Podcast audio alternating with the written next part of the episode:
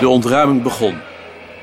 Beelden van kleine jongens in leren jacks, helmen op, die met stenen gooiden. Massa schreeuwende jongens, meisjes, mannen, die de oprukkende ME wegrenden. Een stenengooier die werd ingerekend. Door Radio Stad werd daar later schande van gesproken. Hij had dat niet mee kunnen voelen. Op zo'n ogenblik wist hij zich geweldig rechts, ondanks de woede van Nicolien, die het helemaal met Radio Stad eens was. Wie met stenen gooide, vroeg om een pak slaag. Pas toen hij details gehoord had over agenten die er in wilde woede op lossloegen, natrapten, een liggende man nog eens een schop gaven, merkte hij dat hij geneigd was de politie als een rechtvaardige, wrekende macht te zien en dat hij moeite had om zo'n bericht te geloven. En toen hij het wel geloofde, omdat hij het wel geloven moest, wilde hij het als een excess zien en bleef de ingeroeste neiging om de autoriteiten te verontschuldigen. Als Hitler het wist, zou hij het nooit goed vinden, die reactie. Hij nam aan dat dat het onverwoestbare restant van zijn vertrouwen in de rechtvaardigheid van zijn vader was. In ieder geval ergerde hij zich godsgruwelijk aan het simplisme van zo'n radiostad. Die Polak, toch een verlegen, onzekere, bange man, domweg voor fascist uitmaakte. De jongens die met stenen gooiden collectief als slachtoffers van de woningnood voorstelde. En onmiddellijk met oplossingen aankwam die ook onmiddellijk te weerleggen zouden zijn als ze de moeite deden om na te denken.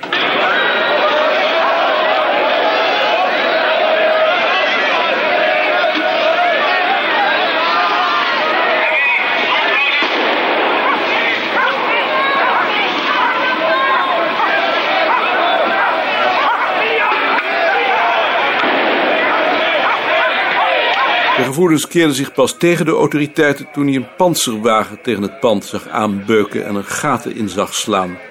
Pas op dat ogenblik wist hij dat hij naast dat gebouw stond en naast de enkeling die tot het eind toe bleef, uit een soort trouw. Niet om het voor zichzelf op te eisen.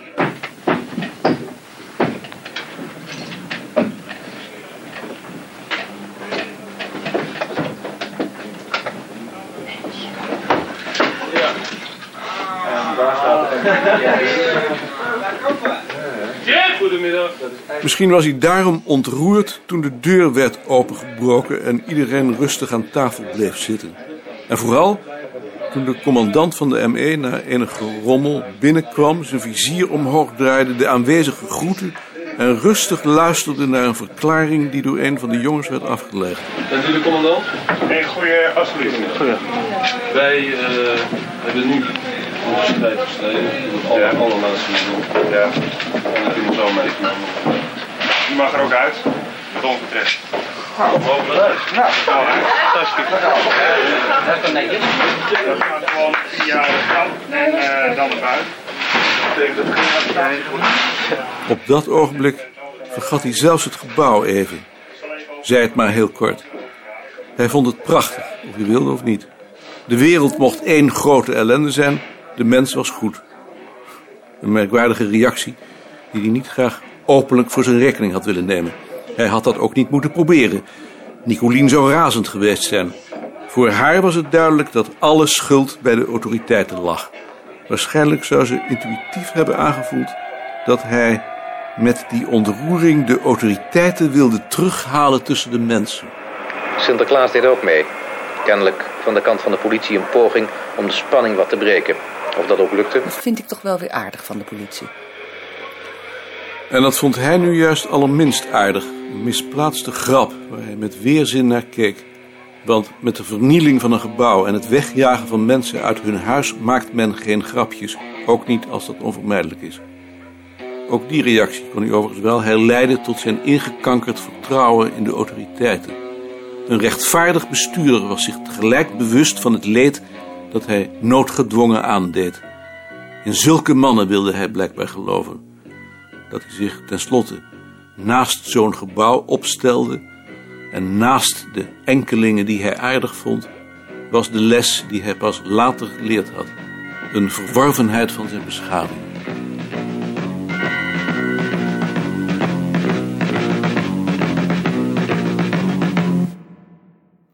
Mevrouw Tulp, gesteld dat we u zouden nemen, zou u dan 1 januari al in dienst kunnen treden. Of eigenlijk dus pas 5 januari. Ja, dat kan wel. Laten we dan afspreken dat ik u in ieder geval tussen kerstmis en nieuwjaar opbel. Bent u dan thuis? Ja, Dan bel ik u thuis. Ik, ik breng u wel even uit. dag. Tot ziens. U vindt het verder wel? Ja, Dag mevrouw Tulp. U hoort dus van me. dag meneer Koning. En? Geweldig. Ze deed me aan Klaasje denken. Ja, precies. Precies, Kaasje. Dit, hoe is dat mogelijk? Dus je zou wel met haar kunnen opschieten. Maar Nou, zeker. Daar ben je zeker van? Volkomen. Dan nemen we er maar. Zal ik haar dan niet even achterna gaan? Ze is nu nog in het gebouw. Nee, nee, nee, nee, zo gauw is dat ook weer niet. Maar jij vindt het toch ook wel goed? Het gaat erom dat jij met haar kunt opschieten. Bovendien lijkt ze me slim genoeg, in ieder geval voor dit werk. Ehm, waar zetten we er? Ja, bij mij. Waar zou dat moeten zijn? Tussen mij en, en Tjitske in? Laten we eens gaan kijken. Nou, hier. Dan zit ze wel met haar gezicht naar de ramen en met haar rug naar de kamer. Dat lijkt me niet ideaal. Bovendien zullen jullie wel veel moeten overleggen en dat lijkt me voor Tjitske geen grapje. Nee. Ehm, en als we een bureau bij dat van Sien zetten. Zoeken jullie een plek voor die nieuwe kracht? Ja, maar eh, dit is geen oplossing, want dan zal je Sien met het probleem op. Dan zou Sien op mijn plaats moeten gaan zitten en ik op die Nee, van Sien. Sien legt er links. Ik wil het best doen hoor, als er geen andere oplossing is. Weet ik, maar we zoeken eerst naar een andere oplossing. En het eh, bureau van Beerta, de kamer van Richard? Dat heeft Lien nu niet meer nodig nu ze haar doctoraal heeft. Bureau van Beerta. Ah. Is Richard er? Daar zou heel goed kunnen. Jullie gaan hier toch niet weer iemand zetten, hè? Daar zou ik dan ernstig bezwaar tegen maken. Het is hetzelfde probleem, alleen heeft Richard er dan last van. Dan overleggen we alleen als Richard er niet is. Zo werkt dat niet. Het kleine kamertje op de derde verdieping naast de trap. Ja! Waar Bart voor die ziekwet zijn toevlucht nam. Daar zou het bureau van Beerta nog kunnen staan. Ze zou ook aan het bureautje van Bart kunnen zitten. Als het bureau van Beerta er staat, is het duidelijker dat het van ons is. Ja, moet je dat dan niet eerst aan meneer Balk vragen? Ik zal Balk meedelen dat ze daar zit. Als ik het vraag en Rentjes hoort ervan, dan geeft hij het aan Rentjes. En als Rentjes er nu voor die tijd beslag op legt? We zullen Hans vragen om er een papier op te plakken. Hans, Ah. Hey. zou jij een papier willen maken, eh, zo groot ongeveer, met daarop dependance volkscultuur en dat op de deur van het kleine kamertje boven vastpinnen? Wacht even, wat moet erop staan? Dependance volkscultuur. De... Pendant... Volkscultuur. Cultuur. En dan op het kleine kamertje. Kan dat vandaag nog? Ja, dat kan nog wel, ja. Dank je. Pik in, het is winter. Hé, hey, dag Ton. hey, Hallo, hallo. mag ik u misschien mijn vriendin voorstellen? Flair van Asselt. Koning. Hallo. Gert, ik help je volgende week met het versjouwen van het bureau van Beerta. We komen toch niet ongelegen? Jij komt nooit ongelegen. Ga binnen. We hebben net een antropoloog gehad die voor ons interviews gaat afnemen bij een aantal carnavalsverenigingen. Interessant. Ken ik haar? Carla Tulp? Ken ik niet. Ze is Dus ook van de VU. Maar daarvoor kom je niet. Ga zitten. In der tijd hebt u... Heb je me een paar kaartenbakken met fiches over rovers laten zien. We zouden die graag eens doorzien als dat mogelijk is. Tuurlijk. De bakken met rovers. Box is er. Zal ik even helpen? Nee, dat gaat wel. Maar als jij de deur even achter me dicht wil doen. Ik ben namelijk begonnen aan een artikel voor jullie bulletin. En Hmm. Fleur is bezig met een boek over rovers. Er is toch geen bezwaar tegen dat zij ook gebruik maakt van jullie gegevens? Nee, natuurlijk niet. Het lijkt meer dan het is hoor.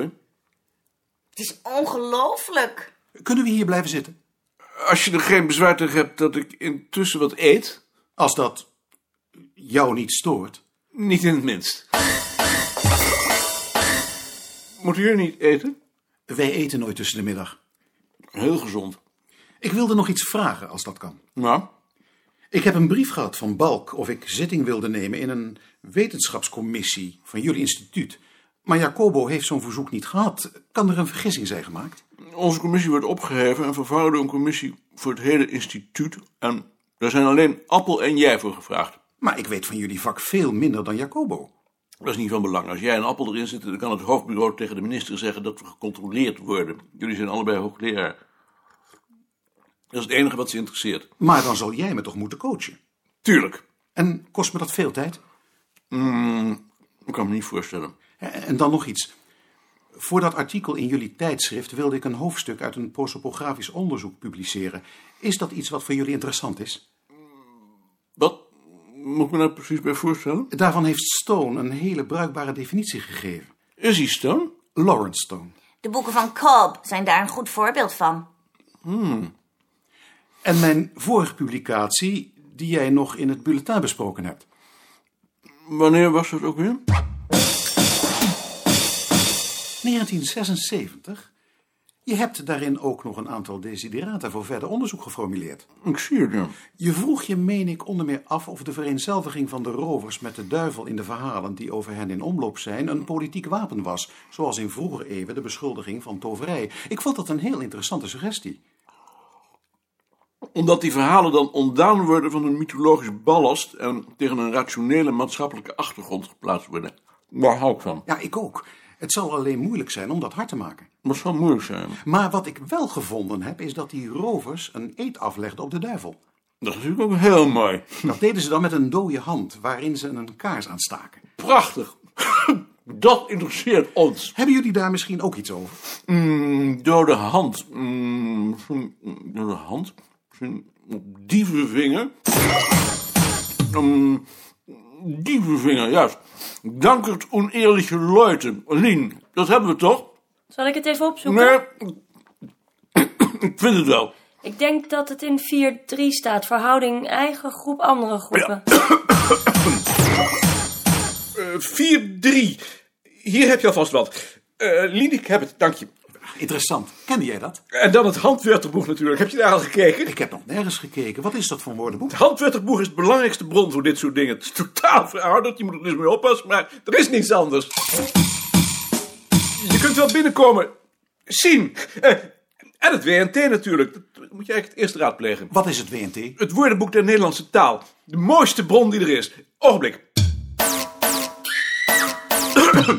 Je had mij nodig zien. Nee, het komt straks wel. Het kan nu ook wel. Nee, het heeft echt geen haast. Heb je er wat aan? Ik dacht het wel. Anders zoek ik nog wat verder. Hebben jullie ook iets over de beul? Over de beul.